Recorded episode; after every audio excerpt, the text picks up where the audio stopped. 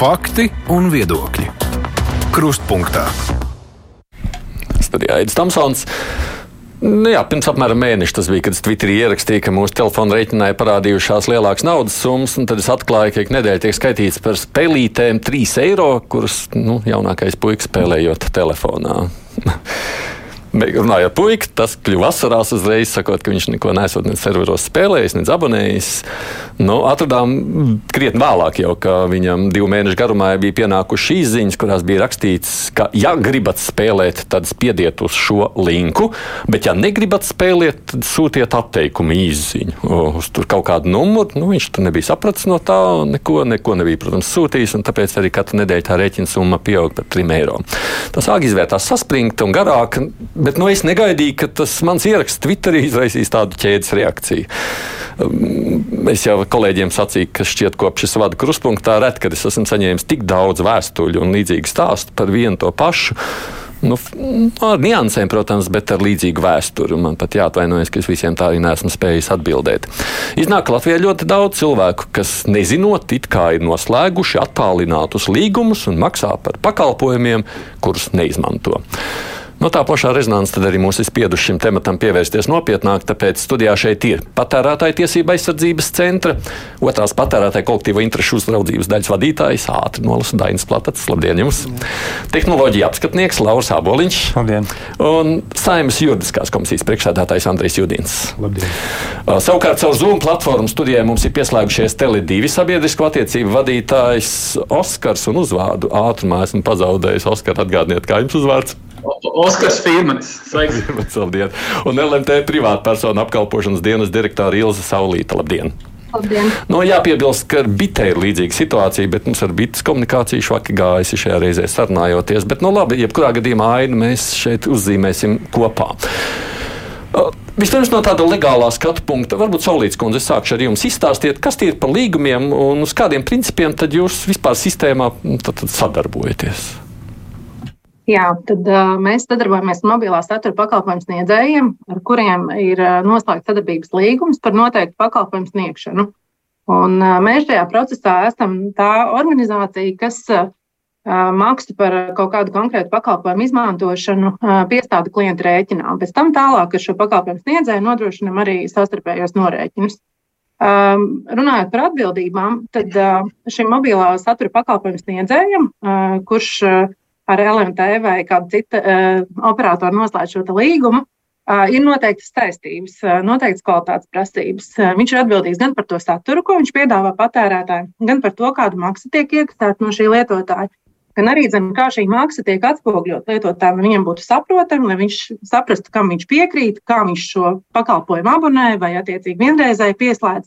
Tātad šī ir šī satura pakalpojuma sniedzēja nu, tāda lielāka atbildība, nodrošināt uh, kvalitatīvu pieredzi, caurspīdīgu pieredzi. Uh, bet nu, droši vien, ka šodien diskusija mums būs par iespējams situācijām, kurās uh, šī pieredze nav tik caurspīdīga. Labi, es, es mazliet tālāk tulītās iztulkošu, kā es sapratu jūsu sacīto, bet Jā. uh, vienīgais, ja es pareizi saprotu, šie spēlīšu paka pakalpojumu sniedzēji, bet šajā reizē, ja es runāju, tad pieņemsim spēlīšu sniedzēji, viņi jūs sameklē un saka, grib ar jums tā kā noslēgt līgumu, tā?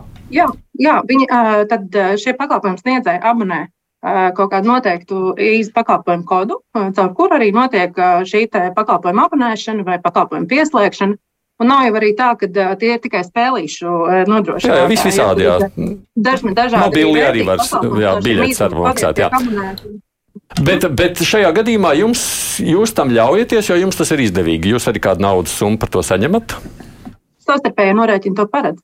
-hmm. Kas nozīmē, un cik jums daudz, ja drīkst jautāt, ir šādu? Nu, es nezinu, kā viņas kaut kāda trīspusēja līguma, nu, jo kādā brīdī klients ar tajā iesaistās. Cik daudz ir pakalpojumu sniedzēju? Mm -hmm. Uh, nu, mūsu mājaslapā ir tāds vesels saraksts ar pakalpojumu sniedzējiem, kurus, uh, kurus var atrast gan pēc nosaukuma, gan pēc reģistrācijas numura, gan arī pēc kontaktu informācijas, ko, kur, uh, kur tiešām arī visi šie pakalpojumu sniedzēji ir uh, atšifrēti un, un parādīti, ar kuriem mēs sadarbojamies. Okay. Un tele divi līdzīga situācija? Jā, mums ir, mums ir līdzīga situācija. Tas, ko es droši vien varētu papildināt, ka operators šajā gadījumā ir pēc būtības kā starpnieks. Līdzīgi kā jūs aiziet uz, uz lielveikalu, nezinu, pie kas maksājat rēķinu, un jūs maksājat ar karšu terminālu palīdzību. bet būtībā šajā gadījumā esam tas karš termināls, kas vienkārši šo naudu, kā saka, pārved no, no, no maksātāja līdz, līdz pakalpojumu nodrošinātājiem. Pēc būtības tur jau šajā stāstā ir trīs spēlētāji. Ir, ir operators, tad ir mūsu sadarbības partneris, kurš nodrošina šīs maksas izziņas, un tad ir tas spēlīšu tirgotājs vai izstrādātājs. Un ne tikai spēlīšu tirgotājs, tur ir piemēram mobili, tur ir eh, Delfi, kas piedāvā abonēt savus pakalpojumus, tur ir daudz citu pakalpojumu sniedzēju. Un līdz ar to nu, tas stāsts šajā gadījumā vairāk ir par šiem spēlīšu tirgotājiem eh, un, un, un antivīrusu tirgotājiem un dažādiem citiem pakalpojumu sniedzējiem, kas, ka, kurus šī komercpraksa varbūt nav īpaši draudzīga klientam. Bet uh, es gribētu teikt, ka tie problemātiskie, par ko mēs droši vien šodien runāsim, viņi ir, saka, uz vienas rokas pirkstiem saskaitām. Un ir tādi, kas saka, pāris lielākie, un ar, ar kuriem tad eh, šīs attiecības šobrīd tiek risinātas. Aha, tā tad jūs jau paši zināt, ka jums ir daži, kas ir problemātiskie. Ja? O, jā, un mēs šajā gadījumā jau ilgu laiku ar šiem problemātiskiem mūsuprāt esam veduši pārunas, esam lūguši viņus, saka, savā pusē laboties un sakārtot savu darbību. Diemžēl ar atsevišķiem lielākiem spēlētājiem tas nav izdevies, un tādēļ mēs no savas puses jau šobrīd vairāk šādus pakalpojumus sniedzējus esam ierobežojuši. Un viņi mūsu tīklā vairs šādus pakalpojumus nodrošināt nevar. Ja tikai drīkst, es solīju Salīdz kundzei, ka es izteikšu iztulkošu, kā es saklausīju, ko jūs teicāt. Jūs teicāt, tā, jā, tā tad mēs esam tādi pakalpojumi, nu, protams, mēs noslēdzam ar viņiem līgumu, mēs tikai iekasējam maksu. Par ko iekasējam, vai viņi vispār tur ir pamatā jēdzīgi vai neiedzīgi, tā vairs nav mūsu darīšana, kā tikai nauda. Nu, negluži. nu, negluži. Uh, mūs interesē šī lietotāja pieredze, un uh, mēs arī uh, ar mūsu, mūsu pakalpojumu lietotājiem sazinamies par katru šādu gadījumu, kad, tad, ja mums klients zvana un mēģina risināt šo jautājumu, parasti mēs arī iesaistamies un risinām šo jautājumu gan ar pašu konkrēto pakalpojumu sniedzēju, gan arī dzen, savās iespēju robežās, piemēram, klientam bloķējumu šos paaugstinātās maksas pakalpojumus. To var klients izdarīt arī savā Manslēmtē vietnē. Arī tur var noslēgt šādu pakalpojumu izmantošanu. Ir arī pakalpojumi, kuros mēs jau esam, piemēram, skolēnu piedāvājums, kurā pēc noklusējuma jau ir atslēgta šī iespēja paaugstināts maksas pakalpojumus izmantot. Bet tas, ko es gribēju minēt, līdzīgi kā arī Oskars teica, ka, jā, ka mēs strādājam šī pakalpojuma sniedzējiem. Ir noteikts kvalitātes prasības, piemēram, pagājušā gada nogalē bija viens no pakalpojumu sniedzējiem, ar kuru mēs rūpīgi gājām cauri pēc padziļinātas izpētes, problēmu izpētes, gājām cauri visiem klientu ceļojumiem, gājām cauri, kur kādā veidā, kādos fontos ir atspoguļot šī informācija, kā klients var piekļūt šiem pakalpojumiem. Un diezgan daudz būtiskas lietas arī ir uzlabotas. Tātad, lai klientam būtu saprotamāk, lai viņš saprastu, kam viņš piekrīt, kāpēc viņš tam piekrīt un kā tas ietekmēs tālāk arī viņa rēķinu. Katrā ziņā nav tā, ka mēs vienkārši esam tātad transakcija un iekasējam par to naudu. Mums rūp tas, kā lietotāji lieto šos pakalpojumus, un tālāk šī atgriezniskā saite arī nonāk līdz pakalpojumu sniedzējiem. Tieši tāpat arī Oskars minēja, arī ierobežojuma pakalpojums, ja, ja šī eh, nu, sniedzēja rīcība nav atbilstoša labākajai, labākajai praksē vai kvalitātes prasībām. Jā, jā. Nu, labi, es pievēršos studijas viesiem. Skan jau labi, kā jūs sacītu. Klients saprot, ko viņš dara. Absolūti noteikti var sacīt, man ir jau desmitiem vēstuļu, kur klients neko nav sapratis, ka viņš būtu kaut kādu līgumu noslēdzis un ka viņam pat kaut ko būtu jāmaksā un ka viņš vispār kaut kādu pakalpojumu saņem. Un tas ir tas jautājums, kas visā mulsai ja no tāda juridiskā viedokļa, nu, tur taču jā, nu, tās ir kaut kādas līguma attiecības. Nevar kāds sacīt, ka, nu, piedod, maksā man. Protams. Jā, būt līguma attiecībā. Nu, kā var būt tā? Lauris, sākšu, nu, jūs esat tehnoloģijas speciālists, palīdziet saprast, ka kaut kādā brīdī es dzīvodamies pa telefonu, pats nesaprotu, esmu noslēdzis līgumu jau un apņēmies maksāt. Nu, tur ir droši vien tas aspekts no šiem pakalpojumu sniedzējiem, kāds ir viņu mērķis, kādu produktu piedāvāt. Lielākoties tiešām no šādu spēlīšu pakalpojumu sniedzējiem tā būtība ir nopelnīt pēc iespējas vairāk naudu. Un, Es pieļauju, ka viņi kaut kādā mērā dzīvo no pārliecības, labāk prasīt atdošanu nekā atļauju. Tādā veidā radot maksimāli to spēlīti vai to dizainu un izkārtojumu tādu, lai būtu vai nu vairāk ne reakcija nepieciešama noķert, ka tev ir reklāma un netīšām uz viņu neuzspiest, vai arī kaut kā savādāk motivēt uh, to cilvēku ar kaut kādām kraislānām lietām. Restīvi, izdomāt dažnu dažādus uh, nu, tādus ļoti kreatīvus veidus, kā vai nu paķert uz muļķi, kā saka, vai uh, radīt to ilūziju, ka tev ir jāabonē kaut kas vai uh, jāpārāk. Nu, bet, proti, nu, man vienmēr bijis tā, nu, es tāds saku, kā normāls cilvēks tajā brīdī, kad es aizēju uz jebkuru pakalpojumu sniedzēju.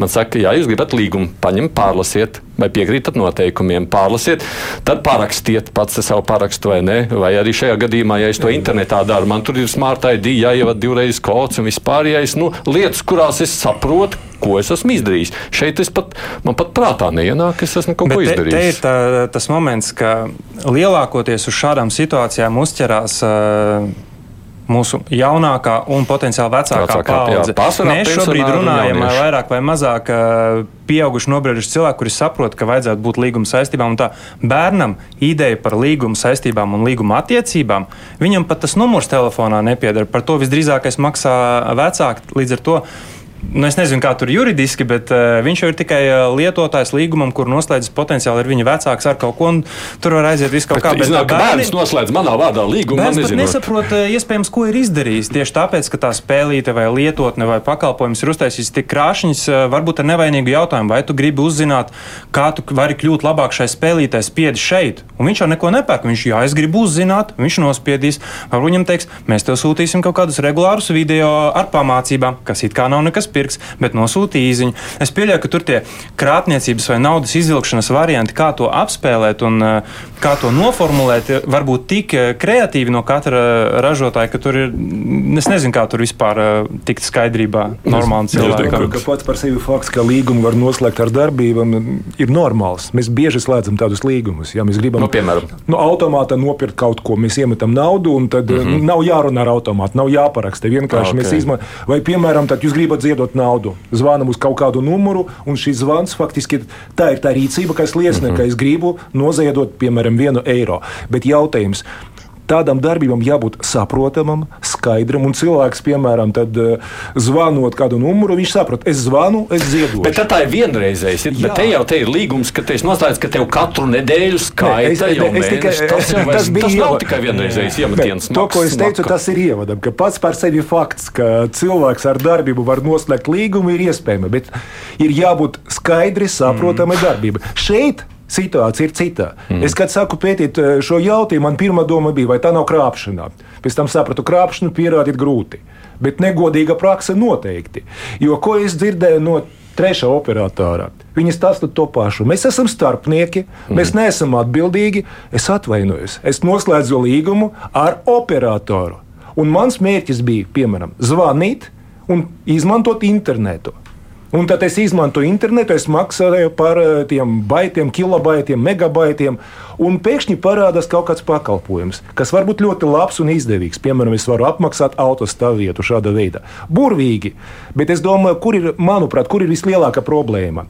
Ja es gribu izmantot šādus pakalpojumus, tad operatoriem būtu nu, manuprāt, loģiski un skaisti, ja viņi man pajautātu, vai es gribu izmantot tādus pakalpojumus. Mums sanāk tā, ka būtībā nu, pēc noklusējuma es to varu sākt izmantot ar kaut kādu vienu kliku, un pēc tam viņi stāsta, bet jūs varat atteikties.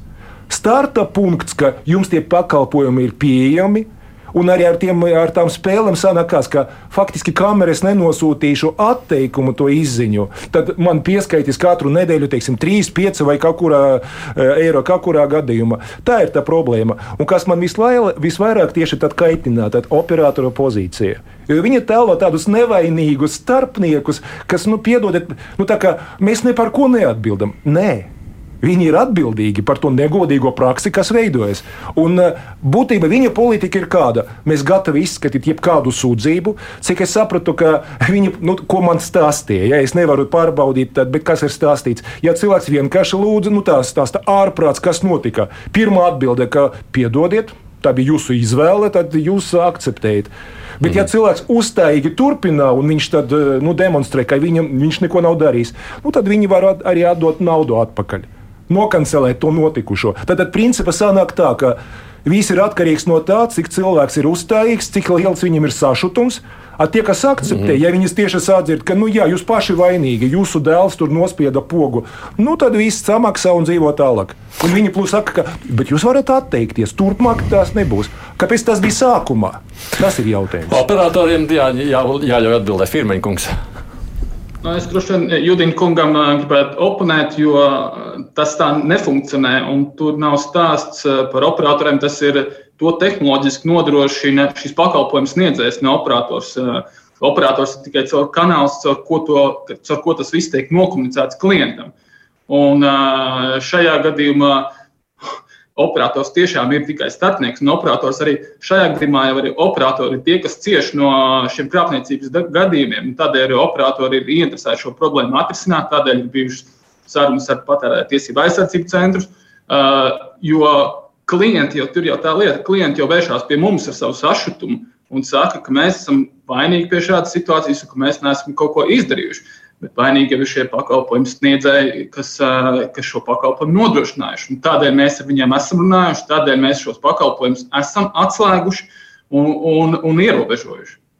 Nu, tāds ir tiesība aizsardzības centrs. Nu, ko tad jūs esat tur sarunājuši? Ja es teikšu, tā Judina kungam ir taisnība. Patiesībā operatoriem ir jāsaprot, ka viņi piedalās komercprakses īstenošanā. Ja mēs izlasām komercprakses īstenotāju definīciju, tās ir ne tikai personas, kas tiešā veidā kaut kādas darbības veids, bet arī personas, kuras uh, darbojas viņu vārdā. Droši labāk skatieties uz mikrofonu, citādāk uh, viņu interesēs vārdā. Un uh, pēc būtības, ja operatori saņem sūdzības, viņiem atbilstoši savai profesionālajai rūpībai ir jāveic darbības, lai šīs sūdzības efektīvi risinātu. Nu, viņi jau ir kā saka, viņi to dara. Te gan ir jāsaka, mēs ļoti ceram, ka Eh, mēs turpmākajā laikā kaut kādā veidā veiksim saziņu un mēģināsim šo situāciju uzlabot. Bet patreizajā situācijā, zinot, ka ir apmēram nu, līdz septembrim, pa pagājušo gadu bija apmēram uz visiem operatoriem nu, 2000 sūdzību, zinot konkrētas pārkāpējas. Pie jums, jā? Uh, nē, pie operatoriem. Pie operatoriem. Pie operatoriem. Zinot konkrētas pārkāpējas un sūtot atpakaļ patērētājs pie šī pārkāpēja un atmaksājot naudu tikai tad, kad ja pārkāpējs piekritīs Tikai tad. Vai arī gadījums bija, ka tad, kad patērētājiem bija jāizvērtē, vai viņam vispār tādas īsiņas ir sūtītas, viens no operatoriem pateica, ka īsiņu glabāšanas laiks ir tikai 30 dienas un vairs nekādu pierādījumu nav. Jāatzīst, ka šāda praksa nav laba. Ja, var, var pastāstīt, ka pirms vairākiem gadiem, varbūt pat desmit gadiem, mums bija ļoti veiksmīga sadarbība ar operatoriem, kad bija ļoti līdzīgi abonēšanas slazdu pakalpojumi.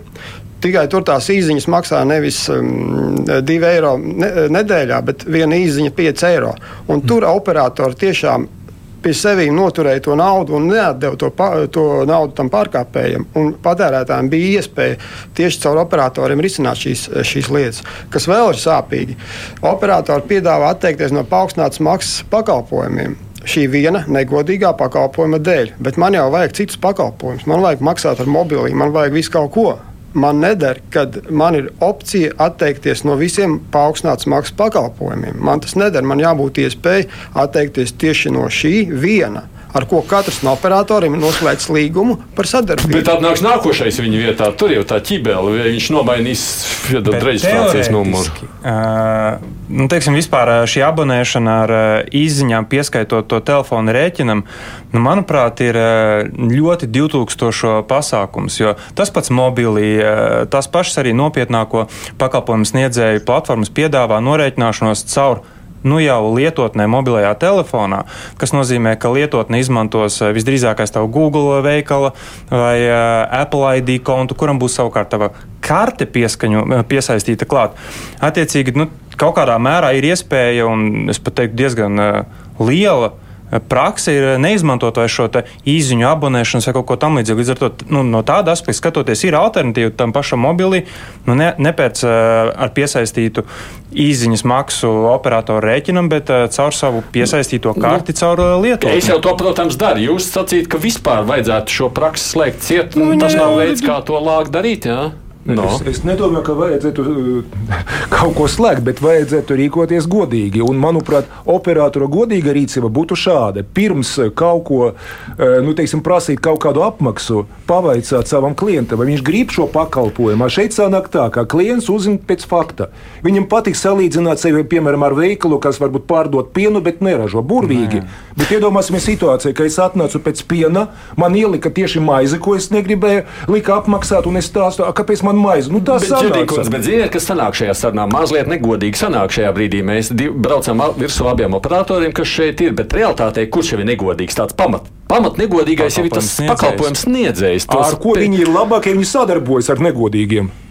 Jā, Kāpēc viņi tieši tas ir jautājums, vai viņi... mēs vispirms nevaram kaut kā to lietu risināt saknē? Mums ir kaut kādas iespējas, ka šādi negodīgi pakalpojumu sniedzēji, kas manu patērētāji manu... saņem pakalpojumu no operatoriem, un viņa pienākums nodrošināt tādu kārtību, ka klients ir brīdināts, ka viņam var būt tāds rēķins. Šeit sanāk tā, ka cilvēks atnāca, lai nopirktu mobilo telefonu, noslēdza līgumu par pakalpojumu, bet sanāca, ka Ir vēl viens pakalpojums, kuru viņš neredz. Protams, ka viņi ne. Viņi atradīs kaut kur noteikumos, ka no tā var arī atteikties, bet klients nevēlas. Tas ir papildus pakalpojums. Tiem, kam vajag, viņiem jāsaka skaidra valoda. Es gribu šo pakalpojumu.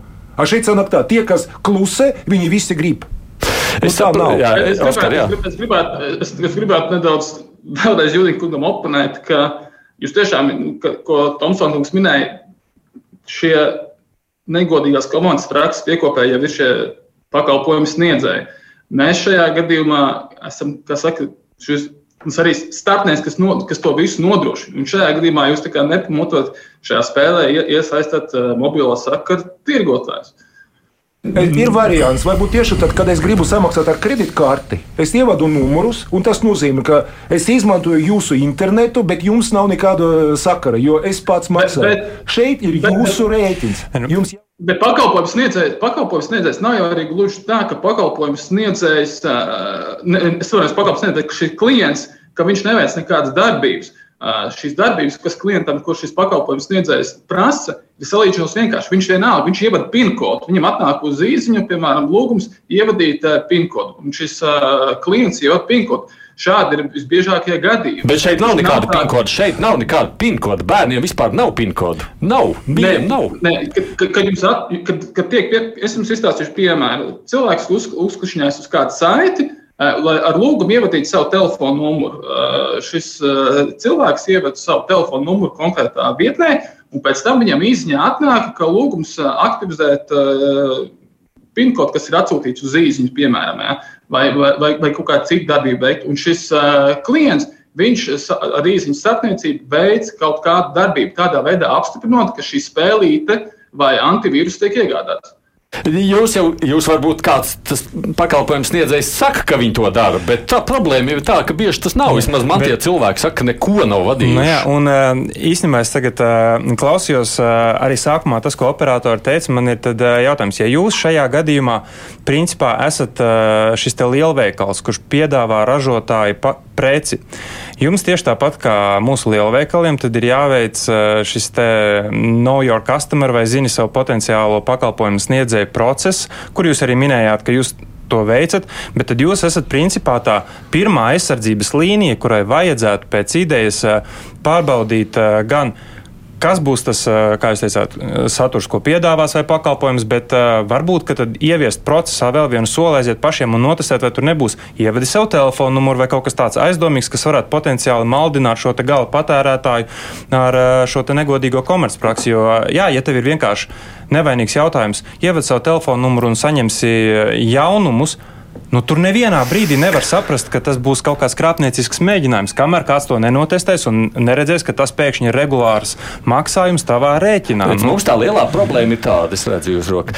Tā lielā problēma ir tāda, ka šie cilvēki paši jau vairs nes, nu, viņi, viņi nevar atsaukt atmiņā, vai viņi, viņi, viņiem vispār nenāk prātā, ko viņi darījuši. Viņi, viņi, ne, viņi nespēja atcerēties. Viņi, viņi, viņi vairs jau nav nekas, tā uzmanība, kas bija agrāk, jau nekas nav darījis. Nu, tāda jau tā ķībeli ir. Jā, es tikai gribu piebilst, ka es nešaubos, ka ir labi piemēri, ir labas procedūras, kur piecas reizes uzdot jautājumu, viss ir skaisti. Bet ir arī citas procedūras. Piemēram, cilvēks meklē kaut ko par Marvel, teiksim, tad grib atrast jaunu filmu, viņš meklē, meklē, meklē un pēkšņi Tu vari reģistrēties šeit, tev jāievada numurs. Nu, interesanti, kas tur būs. Tur nav rakstīts, ka 3 eiro tev būs nedēļa jāmaksā. Tur tā lieta, un faktiski procedūras ir dažādas. Jūs izmantojat piemēru par labu procedūru, es varu izmantot piemēru par sliktu, bet jums ir jāatbild par visam procedūram. A jūs stāstat, mēs esam starpnieki. Tā nav laba atbilde, nav pareiza. Uh, cik sena tā problēma ir? Kā Jā, nu, īstenībā operatori jau minēja. Tātad, principā šobrīd es varētu teikt, runāju par diviem, nu, varbūt trim. Diviem šādiem sliktiem pakalpojumu sniedzējiem. Problēma parādījās pagājušā gada sākumā. Parādījās Jā. diezgan nemanāmi. Mēs uh, pret vienu no šādiem, nu, teiksim, pakalpojumu sniedzējiem. Arī, starp citu, arī viņš saka, ka viņš ir starpnieks. Uzsākām administratīvo lietu. Oh, starpnieks starpniekam? Mm -hmm. Tātad tie sadarbības partneri, ko strādā operators, arī viņi nodrošina tehnisko risinājumu priekš tiem satura radītājiem, kas atrodas, teiksim, Kiprā, Kaimānu salās, nezinu, okay. vis kaut kur citur, tikai ne šeit. Uh, ir skaidrs. Tātad es varu pastāstīt vienu nu, piemēru. Cilvēks apstājies pie kafijas automāta, vēlas iegādāties kafiju, bet viņš ir, nu, viņam tiek piedāvāta bezmaksas kafija, un noskanējot QR kodu, viņš to bezmaksas kafiju varētu dabūt. Viņam neviļus parādās reklāma. Uz kuru viņš, nesaprotot, ka viņš ir ārpus šī kafijas, bezmaksas kafijas iegūšanas momenta, nospiež. Un viņš ir, pasu, viņš ir uh, abonējis pakalpojumu mm. par recepšu video materiāliem, pie kafijas automāta esot. Būtībā šo visu stāstu var saukt par manipulāciju ar uzmanību. Uh, lielākā daļa patērētāju tiešām neatcerās, nemana, un viņu uh, darbības ir neapzinātas tam, kad viņi kaut ko tādu pasūta. Viņi nekad neatcerās to. Iespējams, ir vēl trakāk, un to mēs šobrīd uh, vēl turpinām pētīt, vai šādi te, teiksim, tālruņa numuri netiek tiešām nozagti, un vai tas netiek veikts piemēram, nu, pilnīgi, nu, teiksim, noziedz, nu, gan jau pie, pieņemsim noziedzīgā veidā. Bet fakts ir tāds, ka mums sūdzās patērētāji, kas galīgi nespēlē spēlītas. Tie ir pieauguši cilvēki, tādā vecumā, kā jūs stāstījāt, kas pilnīgi visu apzinās, kuri saka, es neko nepasūtīju. Viņi neko nezina. Viņi vispār neko nezina, un labākajā gadījumā viņi pietiekoši ātri paskatās rēķinā. Rēķinā visbiežāk paskatās pēc mēneša, ja vien tas nav nu, jā, automātiskais jā, jā. maksājums. Es, diemžēl pēc diviem pamanīju, tas tāpēc, ka te visi tie tarifi mainījās, es nepiesaku. Un ir summa, piemēram, lielākā summa, ko es redzēju, esmu 140 eiro. Mm. Kur būtībā ir pasūtīts pakalpojums, kas nav izmantots, kurš nav vajadzīgs, kur nav dota patērētāja piekrišana. Būtībā tas ir abonēšanas slasts, manipulācija ar patērētāju e, uzmanību, nenodrošinot distances līguma noteikumus nekādus nenodrošinot informāciju par to, ka pakalpojums sniedz tāda persona, ka tiesības saņemt samaksu ir tādai personai. Absolūts patērētāja tiesību pārkāpums. Šobrīd mēs pie tā strādājam. Mēs, uh, Piekrītam tam, ka pats galvenais uh, sākotnējais cēlonis tam ir tas, uh, kas ir šis satura radītājs un viņa sadarbības partneris, kas ir jūsu sadarbības partneris. Bet saistībā ar sūdzību risināšanu tur gan jāsaka, jums ir liela loma saistībā ar šo pakalpojumu uzraudzību un pārbaudīšanu. Jūs zināt, ka ir simts sūdzības par šo vienu. Jums nav grūti paskatīties, kas te ir par pakalpojumiem, vai tur vispār informācija par pakalpojumu sniedzēju kaut kāda. Un jums ir iespēja nu, veikt kaut kādus pasākumus, lai šādi pakalpojumi vai nu tiktu uzlaboti, vai nu vispār izslēgti no jūsu klāsta, jo ir ļoti daudz vajadzīgu pakalpojumu. Bet jūs arī saņemat sūdzības, es varu pateikt, ļoti lielā skaitā, galīgi nenospēlījuši spēlētājiem. Jūs saņemat no kaut kādiem, nu, nezinu, cilvēks izmanto, piemēram, aplikāciju, kaut kādu viņš ap, aprēķinus grib veikt uh, tiešsaistes programmā, un uh, viņam, lai rezultātu saņemtu, tā vietā parādās lejuplādē apskati. Viņš nospiež, viņš būtībā sāk abonēt. Mm. Nu, labi, viņam atnāk, viņam atnāk uh, pieprasījums ievadīt savu telefonu numuru, ko viņš joprojām asociē ar to sākotnējo savu izvēlēto aplikāciju, ko viņš izmantoja. Tad viņam atnāk kas, ko viņš droši vien ievada, bet viņš to visu neatcerās. Viņš to tiešām neatcerās. Viņa lēmums nav apzināts, viņa lēmums nav informēts, viņa nav, lēmums nav kvalitīvs. Pēc būtības šāda situācija ir patērētājiem nepasūtītu pakalpojumu sniegšana un maksas pieprasīšana par to. Un saistībā ar šādām sūdzībām ļoti liela loma ir tieši operatoriem. Par to, ko darīt, es gribu runāt. Es tikai atgādināšu no operatoriem. Mums ir šeit no LMT Ilza Saulīta un Oskars Frīmans no Tele2, kas pieslēgšies attālināti studijā Lauris Āboliņš, kurš ir tehnoloģija apskatnieks Dainis Platats no Patērētāja tiesība aizsardzības centra un Andrejs Judins no Saimnes juridiskās komisijas. Raidījums Krustpunktā. Nu, Droši, tā droši vien ir vēl viena tāda nianses, ko nav vērts īpaši pieminēt tajā brīdī, kad mēs sazvanām operatoru es saku, ko tagad man darīt. Viņš saka, zvaniet uz to pakalpojumu sniedzēju. Es mēģināju. Nu, labi, man ir tā lielā veiksme, ka es strādāju radio. Es uzlieku uz to zvanīšanu, nu, viņš tur automātiski griež, visu laiku gaidiet, gaidiet. Ja, atvainojiet, gaidīšanas laiks būs vairāk par 20 minūtēm. Nu, labi, es tur gaidu. Pēc 20 minūtēm pasaka, atvainojiet, mēs tik ilgi ne, visu aprāt ar aizņemt, zvaniet citreiz, noliek no klausuli, līdz kā uzgriež un gaidu. Nu, tā, pēc pusdienas izdodas beidzot sazvanīt to firmu, kur man tiek piedāvāt. Viņi saka, jā, kas jums teica, ka mēs esam vainīgi? Es teicu, nu, man operators sacīja. Nē, nē, neko nezinām. Tas nav mūsu numurs. Neziniet, prasiet operatoram, tie neesam mēs. Viss, stāsts beidzies. es griežos atpakaļ. Es esmu vienā aplī, no kuras ārā netieku. Un es saprotu, ka nu, te nu es esmu palicis. Nu, labi, operators, protams, šajā reizē nezinu, kā viņš tur izsināja. Varbūt tāpēc, ka es esmu palīdzējis. Man paldies, protams, par to. Bet stāsts jau nu, nav, tas nav risinājums. Ir jābūt kaut kādam risinājumam. Ko darīt?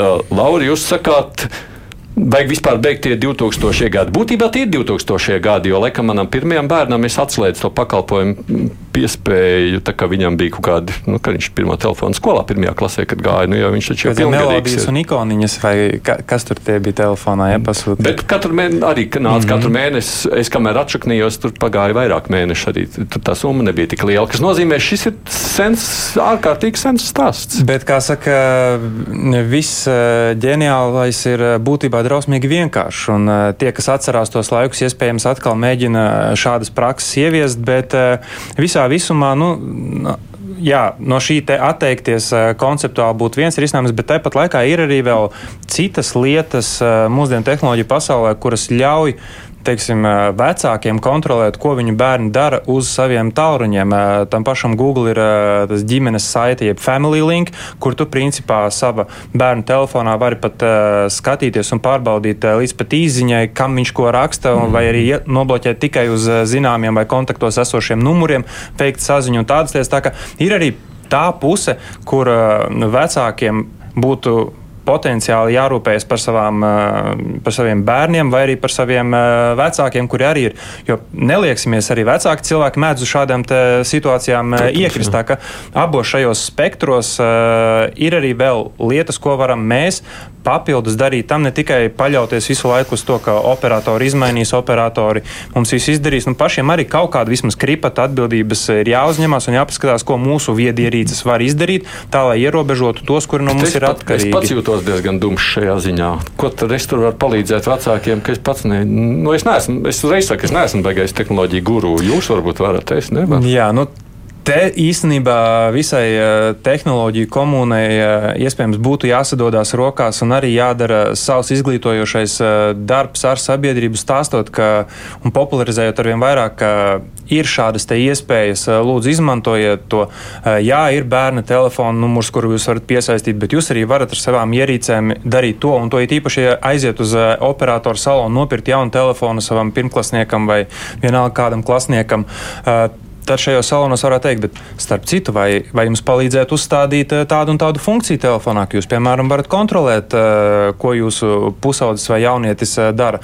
Ne tikai šajā spēlīšu izpratnē, bet arī, ja kaut kur pēkšņi noklīdis, var atrast automātiski vai kaut kādas vēl citas paziņojumus. Nu, iespējas ir daudz vairākas nekā tikai lūgt operatoram tur nokontrolēt vienu pakalpojumu sniedzēju. Ja viss šis kopā strādātu arī ar izglītojošo pusi, tad sabiedrība būtu daudz informētāka, jo ir jāatzīst, ka pēdējos desmit gados tik strauji, cik eh, tehnoloģijas ir attīstījušās, nu neviena iespējams tuvākajā atmiņā esoša paudze nav bijusi tādā virpulī, ka ir visu laiku kaut kas jauns jāapgūst. Pilnīgi dabīgi ir tas, ka kaut kā paiet pāris gadi, un tu pat neesi dzirdējis par tādu lietu, ka īstenībā var piesaistīt telefonu un pilnībā tur visu kontrolēt. Un tur ir jāizglīto un jārunā un jāstāsta un jāveido dažni dažādi materiāli eh, par šīm iespējām. Nu, labi, viena lieta ir izglītošana.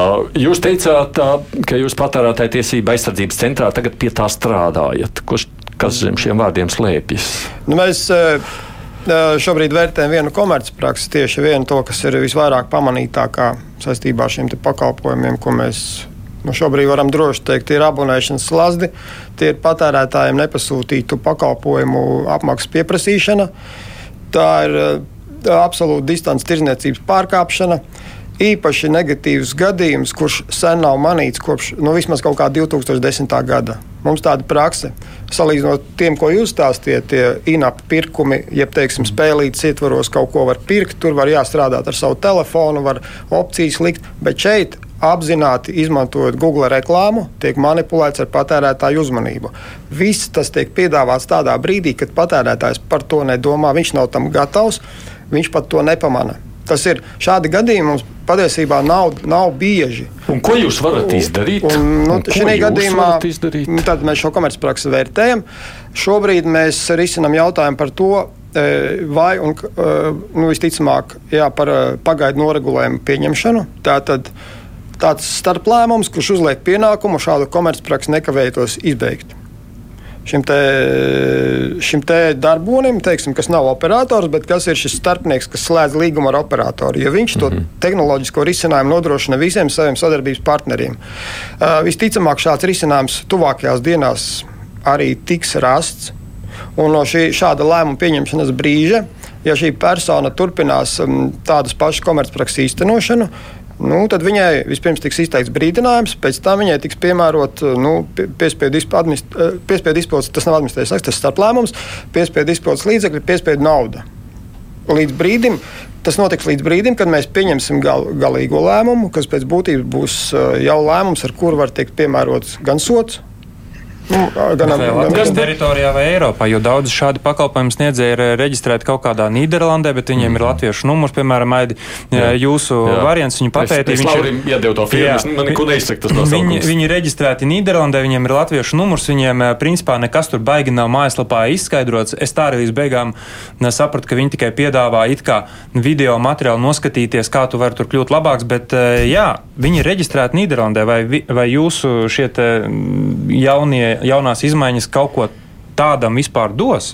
Es labi nezinu to jūsu situāciju, bet pieļauju, ka tas, ko jūs redzējāt, ir tas satura radītājs.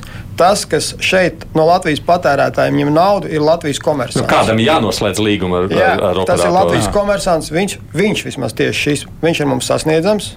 Uh, mēs zinām, kas viņš ir. Ar viņu notiek aktīva sarakste, viņš savu praksi nemaina. Uh, mums ir iespēja rīkoties, mēs arī rīkojamies. Un, nu, nu, kad sapratīs, ka piedodiet, svils, tad nomainīs ātri reģistrāciju, firmas nosaukumu un turpinās bet, rulēt. Eh, nu, šajā, šajā, šajā kontekstā ļoti svarīgi ir iesaistīt operators. Īsnībā mēs gribētu kādreiz kaut kādu saorganizēt, kādu tikšanos arī SPRK pieaicināt, parunāt vispār pie, par šiem paaugstināts maksas tālruņa numuriem. Uh, kādas iespējas ir kontrolēt viņu izmantošanu, kā vajadzētu reaģēt, ja tur kaut kas nav bijis labi. Uh, nu, uh, Mēs, mēs, mēs īstenībā šī situācijā operatorus saskatām kā mūsu palīgus. Mēs, protams, gribētu, to, lai tā sūdzību risināšanas praksa arī uzlabojas, bet zināmā mērā, ja nebūtu operatoru pakalpojumi, šādi pakalpojumi nevarētu tikt nesniegt, nepiedāvāti. Un kā mums sadarboties, tas mums tas ir jautā, nākotnes jautājums.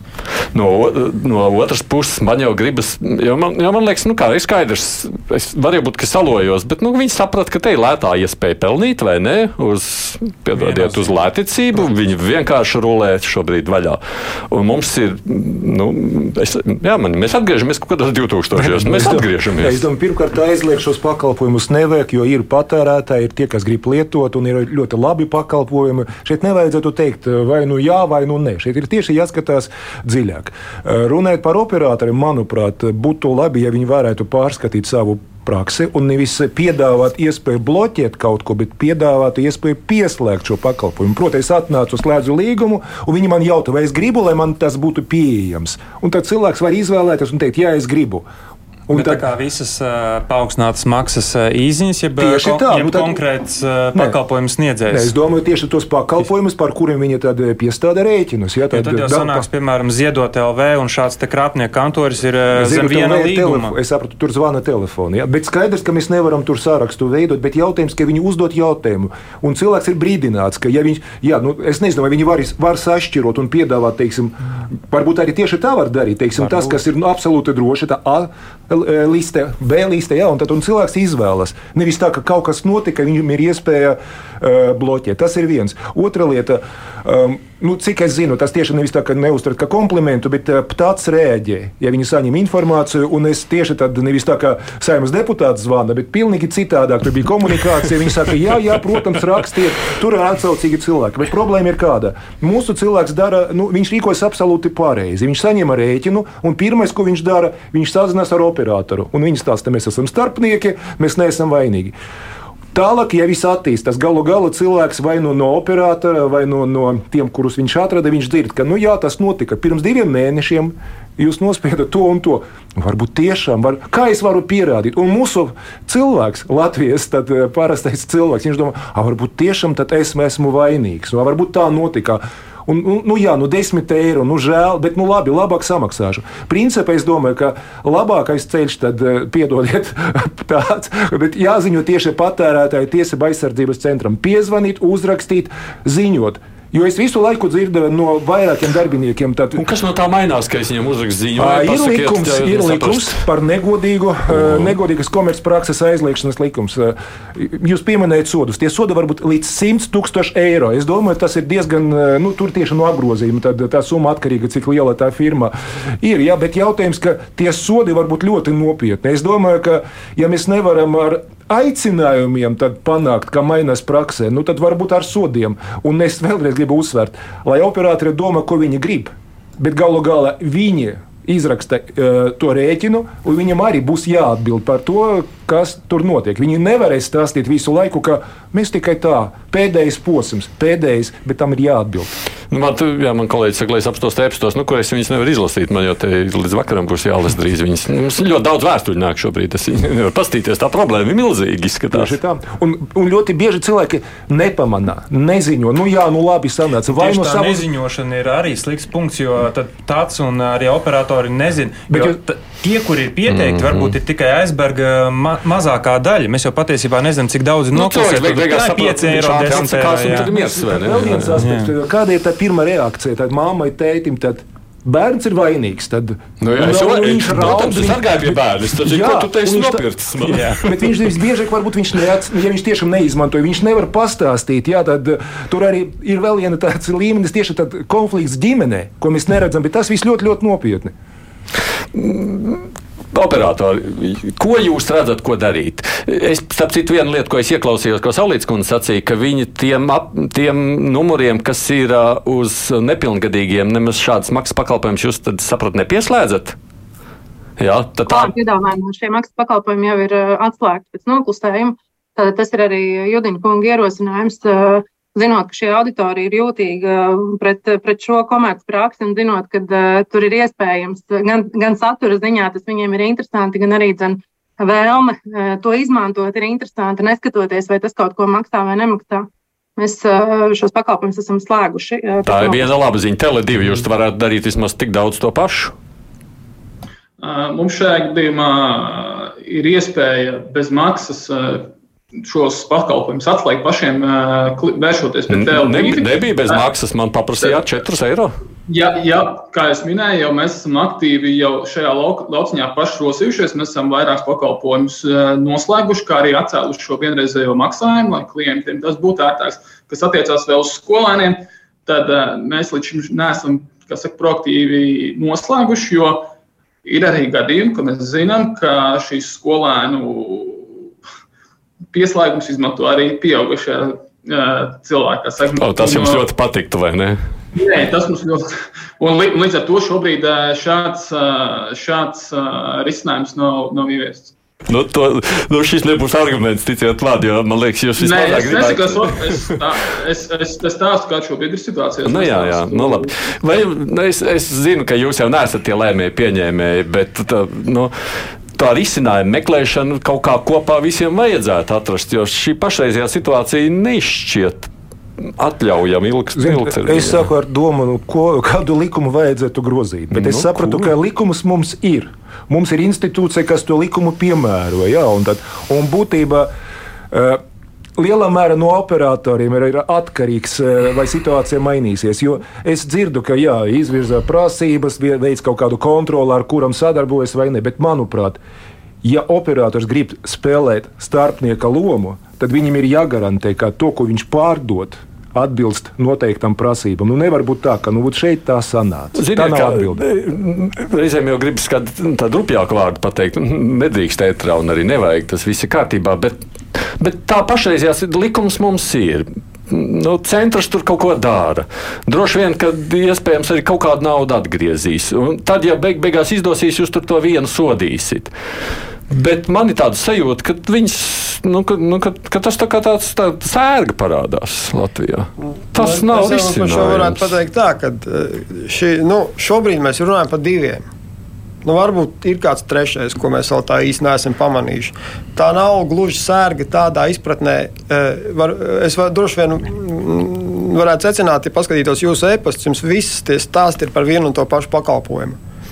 Visticamāk, atcerieties to nosaukumu. Game Respond. Game respond. Uh, bet jūs paskatieties, mm, kas, kas ir tas, kas saņēmis, kas ir saņēmis to maksu. Kā jūs varat paskatīties? Man jau tā tik operators zina, operators jau man nesaka. Es jau nezinu, kas, ir, kas ir LV Game Respond manā gadījumā.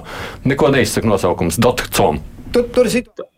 Ta, ta, tas ir ticamāk satura ražotājs, tas nav šis uh, pakalpojums sniedzējs. A, kā es varu uzzināt, kas par ir ko, pakalpojums? Par ko arī par ko arī patērētāja tiesība aizsardzības centra pārstāvis runā.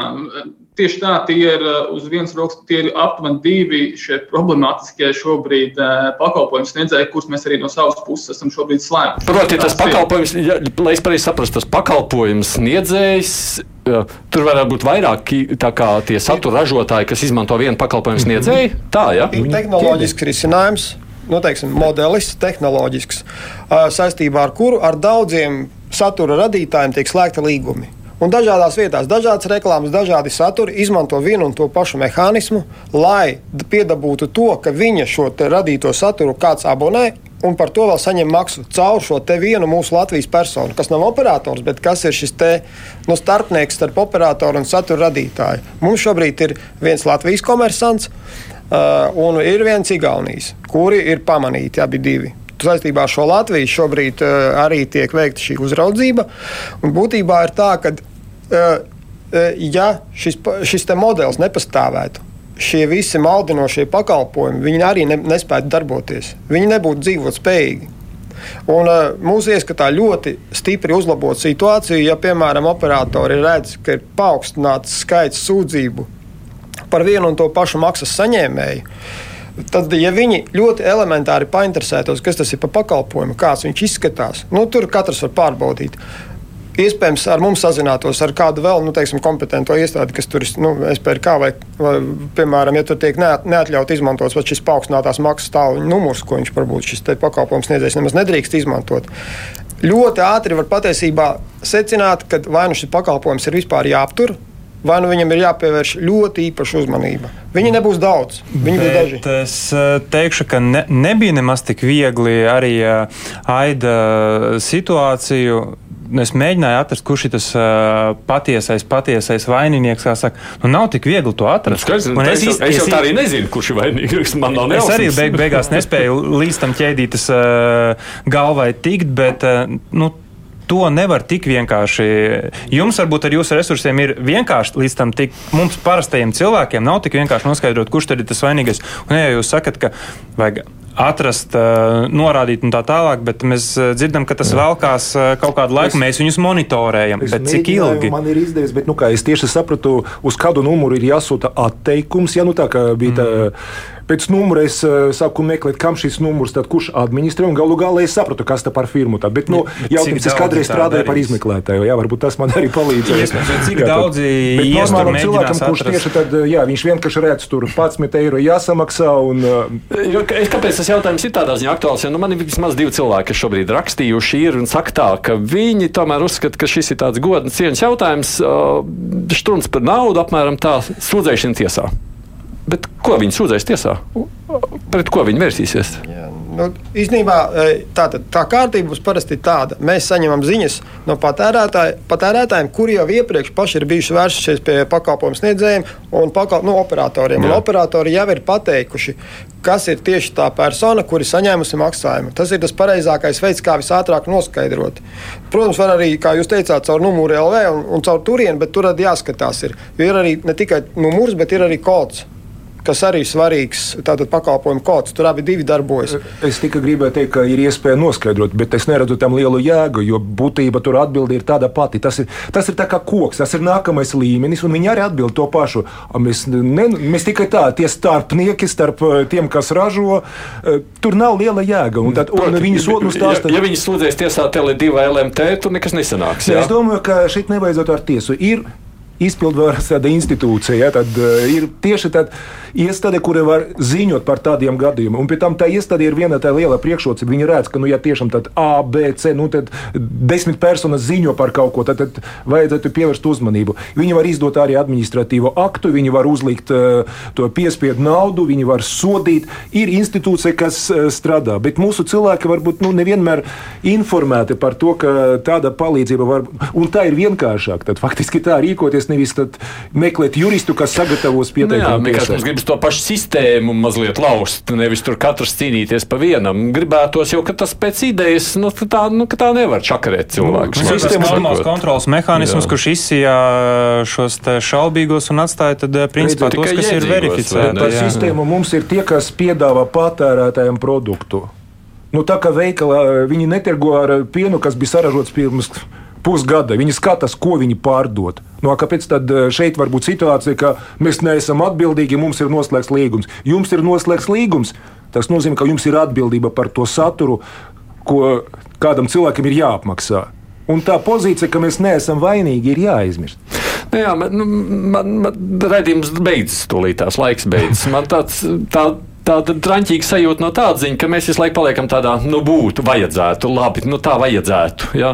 Nu, tā vajadzības izteiksmē paliekam. Ko jūs darīsiet ar to vajadzības izteiksmi tā, lai tā ir realitāte? Tiksieties, nu, jūs teicāt, jūs gribētu tikties ar operatoriem. Nu, kas jums to prieku nu, liek? Mēs tagad, eh, kā šī brīdī nevaram sarunāt, nu, mums tur noteikti citādākā veidā tas jādara, un mēs noteikti vērsīsimies, mēģināsim saorganizēt. Eh, nu, mēs mēģināsim, mēs, mēs to darīsim. Un saistībā ar to, ko es minēju, pagaidu noregulējums viņš šobrīd tiek gatavots. Un tuvākās dienās nu, parādīsies publiska relīze no mūsu iestādes, mm. un viņš tiks publicēts. Un patiesībā arī patērētāji, kuri šādā veidā būs cietuši, viņi var atsaukties arī uz mūsu lēmumu, jo tur patiesībā būs aprakstītas situācijas, kā tas viss notiek. Mm. Un tur būs uzlikti tiesiskie pienākumi, ko šim te uh, personai, kas ir paņēmusi naudu, ko viņam uh, būtu jāievēro, jāizpilda. Nu, vienīgais, jau, ko mēs varam darīt, ir pievērst problēmai uzmanību. To mēs arī, protams, šodien darījām. Nu, lūdzu, risiniet to. Es saku arī, protams, operatoriem abiem meklējiet, kā to la darīt labāk, jo es nezinu, cik jūs nopelnat no viņiem, bet, bet tas nav tā vērts. Uzreiz saku to gan Oskaram Firmanim, kurš no Tele2 sabiedrisko attiecību vadītājs un Nīlas Saulīte LMT privāta persona apkalpošanas dienas direktora. Paldies, ka pieslēdzāties mums attālināt šai sarunai. Nu, savukārt savukārt tehnoloģija apskatnieks Lauris Āboliņš no patērētāja tiesība aizsardzības centra Dainis Platats un Saimnes juridiskās komisijas priekšsēdētājs Andrejs Judins. Paldies, savukārt, ka atnācāt šeit uz Paldies. studiju. Producentiem Junām Krustpunktā un studijā sarunu vadīju es Aidis Tomsons.